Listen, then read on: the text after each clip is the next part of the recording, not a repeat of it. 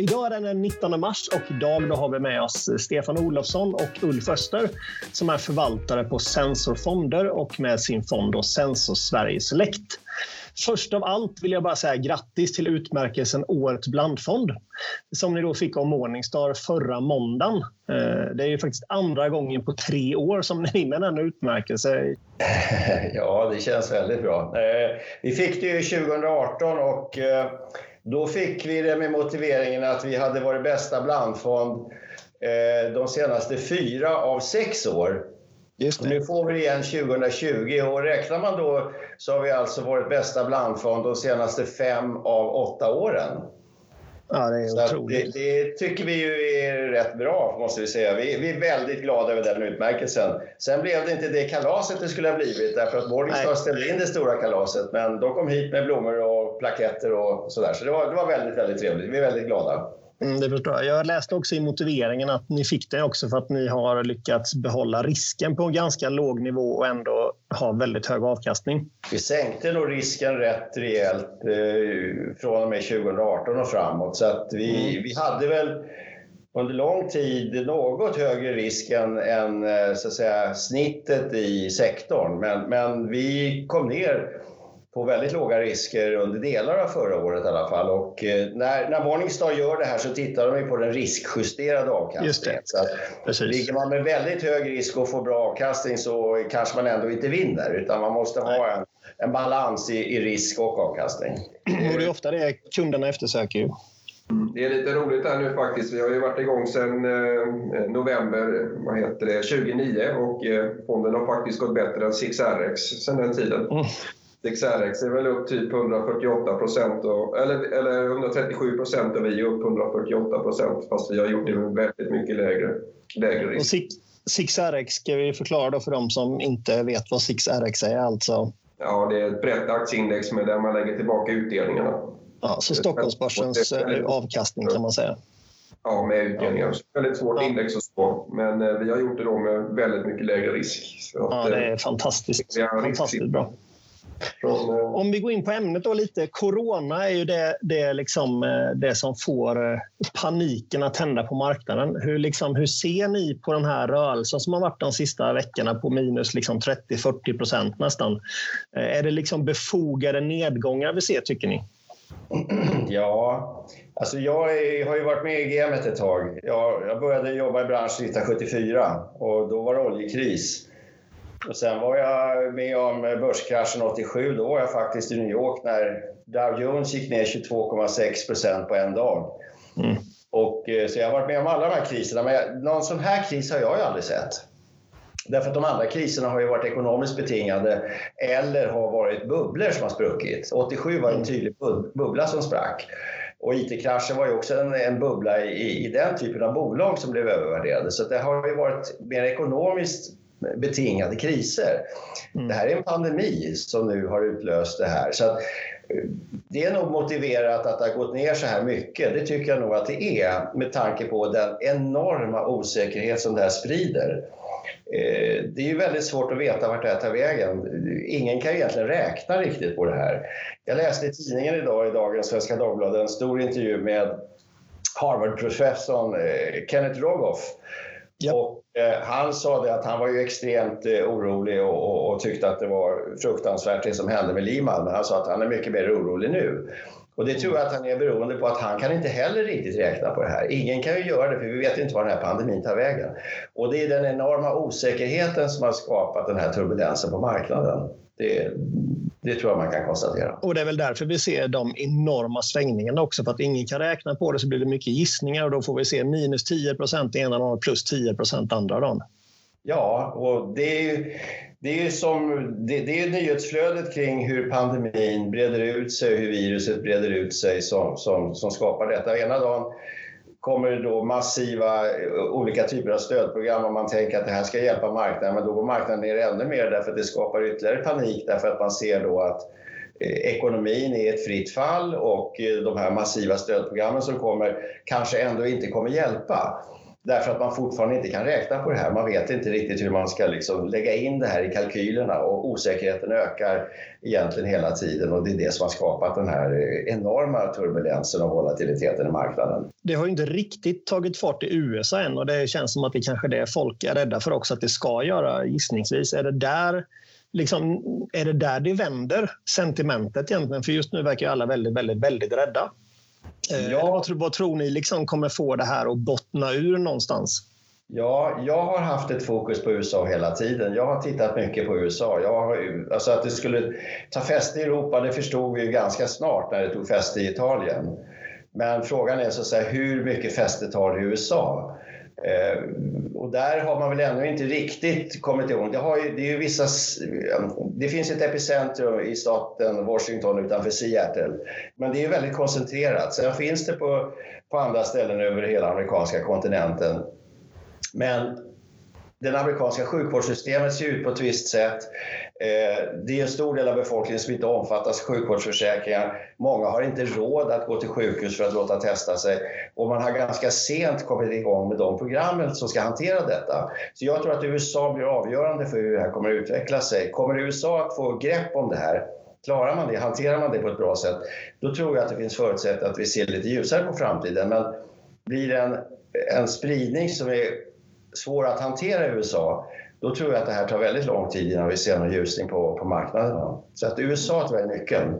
Mm, det tror jag också. Eh, det känns ju som att det finns ju krafter, bland annat Nancy Pelosi, försöker ju få till något slags statligt skyddsprogram om man säger för de oförsäkrade. Så att även de kan vara hemma från jobbet med betald, betald sjukpenning så att säga. Eh, det som är åt andra hållet är, tycker jag, att Donald Trump eh, för några veckor sedan sa att det var en demokratisk bluff, hela viruset. Eh, och häromdagen så sa han att vi har magnificent control över viruset. Det känns ju som att han, jag vet inte, han låter ju som vanligt, men det här tolkar ju marknaden kanske att han inte riktigt tar det på allvar, gissar jag på så är det nog. Och det har väl amerikanerna genomskådat till stor del och framförallt Wall Street har genomskådat detta och det är därför som, som Wall Street reagerar på det sättet det gör tror jag. För man förstår att myndigheterna har inte kontroll på detta och när inte presidenten bryr sig riktigt, vilket han verkar inte ha gjort, Nej, precis. det är klart att det sprider en skräck i samhället som är onödigt stor skulle jag tro. Ja. En sak som har slagit mig med just er fonder är att när börsen går bra så går ni väldigt, väldigt bra. Och när börsen då går sämre så går ni avsevärt mycket bättre än börsen, det vill säga går ner mycket mindre. Tittar man på ett år ungefär så är Stockholmsbörsen någonstans runt minus 15 procent medan ni är någonstans plus minus noll, vilket är en extremt bra överavkastning. Hur, hur liksom kommer det sig? På uppsidan har vi varit väldigt duktiga på att eh, dels då identifiera bra aktier och eh, dels kanske undvisa vilka sektorer, till exempel bank eh, förra året som vi inte hade. Och sen är vi väldigt flexibla i fonden. Eh, vi gör faktiskt ganska stora rörelser emellanåt, eh, jämfört i alla fall med våra konkurrenter inom blandfond. Eh, vi, vi var ganska snabba på att vikta ner igen här. Vi låg ju, när utgången av februari så hade vi precis över 70 i exponering. Men, och det gick ner sista veckan i februari, då gjorde vi inga större saker. Men första dagarna i mars kom det en liten rekyl på några dagar där och då sålde vi ner oss ner mot 56% i exponering och vi sålde främst sådana aktier då som skulle påverkas negativt av corona. Vi sålde till exempel alla banker och vi räknade med att eh, bank ska kunna lida kreditförluster. Vi sålde verkstad etc. och så behöll vi kanske lite mer bolag som vi trodde då skulle stå rätt skyddade mot det. Så det var Vilka är det, vilken typ av bolag är det som ni tror klarar er bättre i den här typen av kris? Ja, vi har ju trott på vissa då gamingbolag och gamblingbolag. Sen trodde vi att fastigheter skulle klara oss bra. Det har kanske varit en felberäkning hittills. Eh, även, och det, men det tror vi främst är dels naturligtvis att eh, naven går ner på fastigheterna men eh, främst tror jag att det är ganska mycket flödesstyrt också. Att, eh, det är stora vinnare i de här fastighetsfonderna genom åren och det är många som tar vinster där så vi tror att det är ganska flödesorienterat. Annars tror vi att fastigheten ska kunna hålla emot ganska bra på sina eh, intäktssidor. Mm. Eh, så de har vi då behållit eh, tills vidare. Och hur, hur ligger ni allokerade idag? Vad sa du? Hur ligger ni allokerade idag i procent mot aktier? Ja, vi har fortsatt neråt då lite eh, och vi har i dagsläget runt 41 procent i aktier. Okay. 33 procent i cash då som vi ska använda någon gång. Och sen har vi resten i FRN. På FRN har vi ganska många innehav, inga stora enskilda innehav där, utan vi har många innehav. Och vi ser väl ingen uppenbar risk i, i något innehav i dagsläget. Vi har sålt av eh, några FRN som vi då väldigt snabbt, som vi kom ut på ganska bra nivåer, som vi såg lite högre risk i, medan de här som vi har i dagsläget då eh, ser stabila ut. Så som läget ser ut i dagsläget. Ja, precis. Eh, och FRN, bara för att förtydliga där, är ju företagsobligationer med rörlig ränta. Ja, just det. Sen kan vi komplettera, Stefan, det som vi har behållit också. Det är ju ytterligare sektorer som du inte hann berätta. Det är läkemedel, det är teleoperatörer, vi har ju en hel del eh, S-City, Swedish Match och så vidare. Så att, eh, vi tycker att vi har en balans i portföljen som är i dagens läge på aktiesidan väldigt exponerad mot bolag som vi tror ändå ska kunna ha en motståndskraft. Eh, vilket ingenting har haft motståndskraft hittills. Nej. Men vi tycker att de senaste dagarna så tycker vi att vi ser att man börjar sortera upp marknaden lite grann. Man ser ju faktiskt att en del bolag orkar stå emot, en del bolag orkar gå upp även vid riktigt dåliga dagar. Så att vi, jag tycker att man börjar se att den där totala paniken när man ska bara rusa mot dörren och ta med sig allting ut, den håller lite grann på att byta skepnad nu till att placerarna tänker sig för lite grann. Det finns trots allt sånt som kommer gå bra. Det finns sånt som man definitivt kanske ska göra sig av med.